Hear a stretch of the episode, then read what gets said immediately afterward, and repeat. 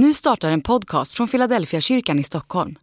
Om du vill komma i kontakt med oss, skriv gärna ett mejl till hejfiladelfiakyrkan.se. Dag 80.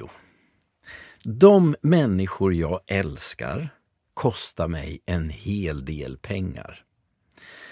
När man tycker om någon vill man gärna visa sin uppskattning och ett sätt är att vara generös och omtänksam med gåvor och presenter. Jag har upptäckt att det är min fru och mina barn som kostar det mesta av vad jag äger och har. De får mina pengar, min tid och min kraft. Så mycket jag kan vill jag ge. Ett av kärlekens främsta kännetecken är att den är generös. Det är så man kan avgöra om det verkligen är frågan om kärlek. Vill jag ge det bästa till en annan människa? Det finns människor som det kan vara svårt att älska, de väcker olust hos oss. Eller också så har de skadat oss eller sårat oss. När vi ser dem känner vi oss illa till mods eller rent av hämndlystna.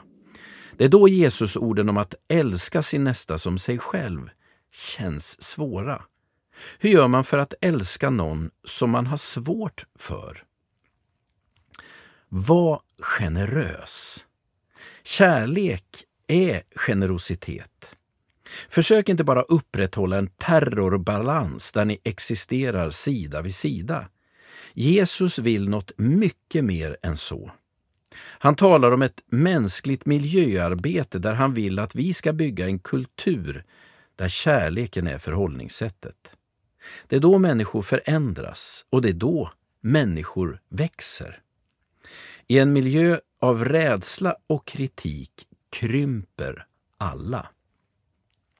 Hur gör man för att följa Jesu bud om att älska varandra?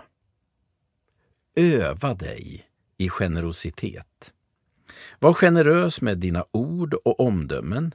Välj att inte tala illa om andra eller ge nedsättande kommentarer. Var generös med beröm eller goda ord till människor omkring dig.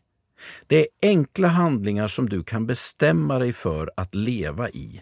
Det är ett sätt att öva dig i kärlek. Andlig övning. Låt detta bli en dag av generösa och goda ord. Tala väl om andra, köp en blomma till någon som behöver det, ring upp och uppmuntra en god vän. Var generös.